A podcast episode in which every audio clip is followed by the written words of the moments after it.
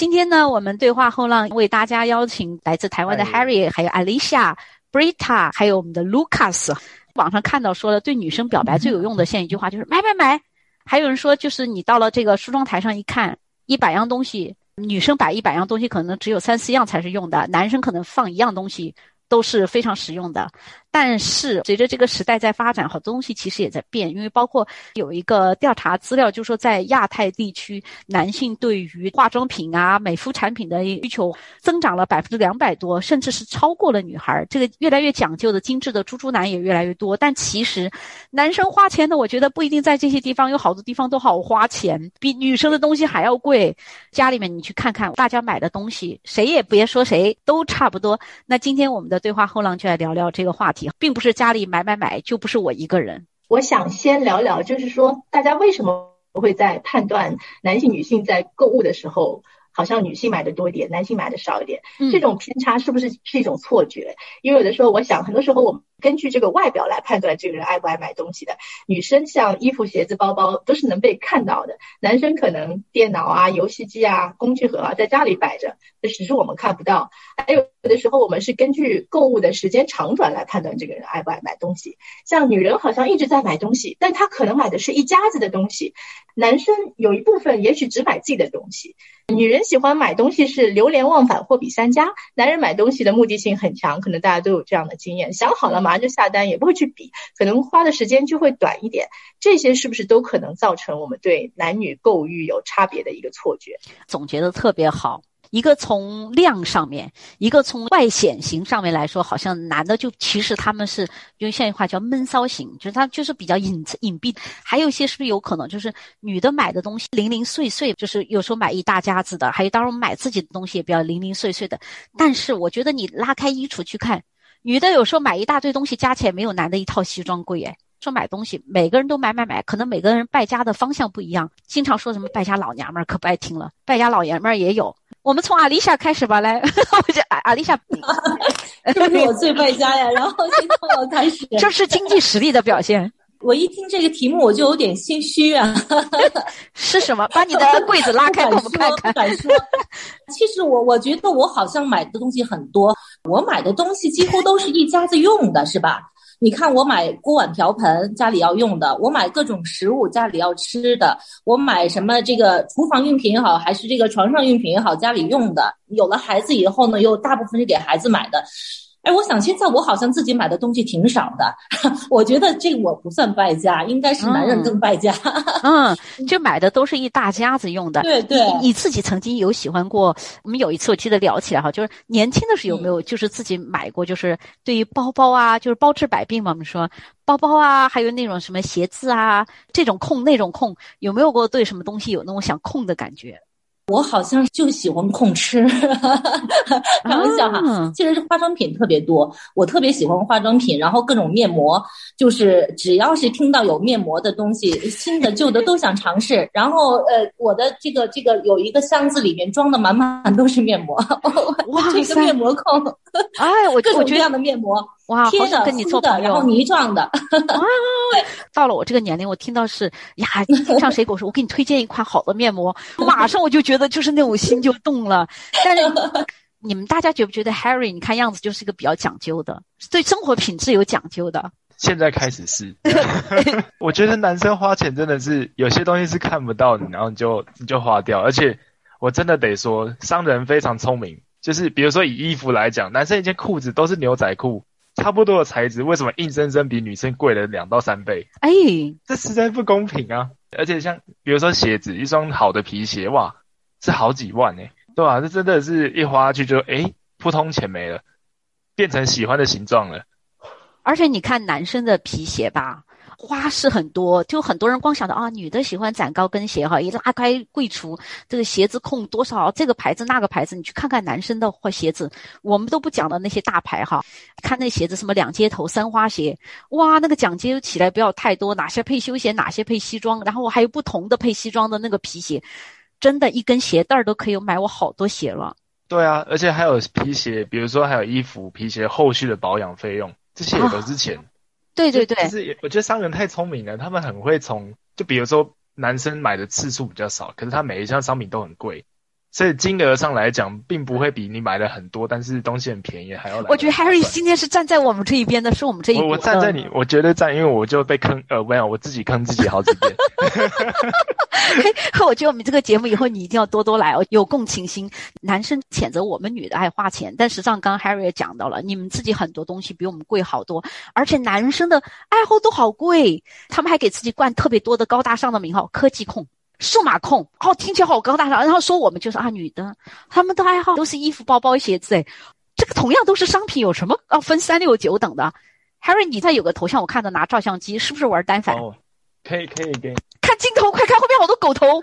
我的天，有多少个蔡司的？不敢说，就是有些我会安慰自己是工作用的嘛。啊哇，你这个容易招贼，我告诉你，刚拍出来。哦，对对对，哦，没事，应该没事。哇，你这个狗头值好多钱的。就就一不小心就越来越多，我也不知道为什么，这柜子会繁殖啊，也会繁 繁殖。哎，你知不知道我们把这个照相机的就是单反的镜头叫狗头，你知道吗？我知道，我知道，我知道。啊，你你有多少个狗头可以问一下吗？呃，我要要看数不清了，你看看或是莱卡那种，莱卡对对对，莱卡那种顶尖的我只有两个，可是因为我系统是用尼康，可是所以呃，哇，莱卡你看就只有两个，没有。呃，我觉得这个习惯养成要看你有没有被烧过，诶，就比如说，就像面膜一样，有人跟你讲说啊，这面膜好好，那你就会被烧到，就是被种草，我们叫，对，哇，好痒哦，怎么办？然后只好买。这个话题好痒哦，这个 这个节目其实是大人小孩子都可以听的，我们给大家说一下哈。那蔡司的镜头，你看徕卡一个卡片机都不得了啊，你还是就两个。哇，这我只能安慰自己，有时候工作会用啊，或是那个呃捡漏捡漏的，便宜便宜，那捡漏就省到。安慰自己，对啊。可是以总额来看，我觉得不会比买一堆衣服还要便宜。哦，很贵的。完全不会，你那个地方已经很大一笔钱了，早一眼就基本上就大概知道你那有多少钱在上面堆在架子上了。以前有一句话叫是玩单反穷三代，哎，你怕不怕？不怕，所以我如果每买一个器材，我就会想办法说，我可不可以用这个 case 把这个钱 cover 过来？哦，哇，那挺聪明哎，就是用它来生钱。那这个比起来，我们买的包包鞋子就没办法帮我们再下钱再再了。没有诶，我觉得，我觉得鞋，尤其鞋子跟包包不一样，这个东西会增值。哎呦，好像我们好像哦，真的吗？哎呦，你真的跟我们是一国的，把你拉进来是对的。因为因为我之前在台湾的时候，我在莱卡的公司上过班，上过一阵子。哦，怪不得。然后那个对，然后我们就要，我们当然就知道要研究台湾的顶尖金字塔那个客群嘛。嗯嗯。所以我们就要了解说，大家平常会穿戴什么？毕竟我们自己不是这个头尖尖上面的 percent，对，我们不是是尖尖的。我们就就底端底层这些劳工，然后对，然后那个时候就要研究，就发现说，哎，其实这些人买的包包不一定会叠价，除非他划痕、划伤或者什么的。有些包包它比如说限量，限量版的，嗯嗯，对啊，在他们这个五 percent 的那个，就是他们这些财富阶级里面，这些东西会互相流通。然后男生有些人是玩球鞋的，哇，球鞋那也了不得，一强像潘玮柏一强的球鞋。对啊，那个有些是一双炒到，比如说。原本一千块，假 AJ 的很贵限量版，嗯嗯，对啊，是比比投资股票还要赚。我有时候我不太理解球鞋的部分，我也觉得，我我会担心，都是，但是我会担心里面就是有脚气，这是我担心最多的，倒不是它增值的，因为那个真的那个真菌感染是非常厉害。看到球鞋就，我不是我一看到就是，如果特别是二手球鞋，我脑子里第一个就想到的哦，是那个叫什么来，那个擦脚气的。达克宁的啊，达克宁，对对对，止痒，哇一把草从脚背上长出来，然后再把它拔掉。我脑子里马上就出现的是这个。那 Harry，待会儿我们再跟你继续聊你的镜头。我觉得我还没有看够，什么时候有机会一定要跟你好好交流一下。而且我可以给你介绍。欢迎过来，我们。对对对，而且你们原来莱卡的企业文化相当牛哎，他在你离职了以后，把你成功发展成下线，就是你还依然在买他的产品，这个企业文化相当牛啊。糟糕了，糟糕了！男生去玩这些，经常会冠以高大上的名义。我不知道别的男人怎么样，反正我的队友是这样的，就是大家都知道 Bunnings 就是澳洲的男人的玩具店，对吧？他他站在这种 Bunnings，他站在 Bunnings 各种螺丝和钉子的柜货架前，可以一逛逛很久，在那里对比。我说你这个和女孩子在化妆品柜台对比口红色号有什么区别？然后我们说，就是女人的衣柜永远少一件衣服。他的工具箱永远少一件工具。他就是他的工具箱是在储藏室里有一排顶天立地的架子，已经全部放满了。但他时不时看着看，说：“哎，我好像还缺一个什么什么的螺丝，什么什么的锤子。”就是他永远有工工具要买，这工具也不便宜的。就是还有的时候。对我们经常会吐槽，嗯，女人可能会有一些无用的消费，比方说买了一件衣服，结果没怎么穿过，或者买了化妆品忘记用了，然后就过期了。那其实我队友也有很多莫名其妙的消费，就是他前阵子 花了几千块钱买了个 3D 打印机放在家里，然后就一直在打，让我觉得好酷好酷。对他然后打的什么东西呢？就是一开始初级的逮了很多骰子给小孩玩，然后小孩就一直在玩骰子，然后又打很多小猫让小朋友送到学校给给小其他同学，然后前段时间还打了个牙签架，你知道就牙签架，然后我说现在谁还用牙签？我们不都是用牙线的吗？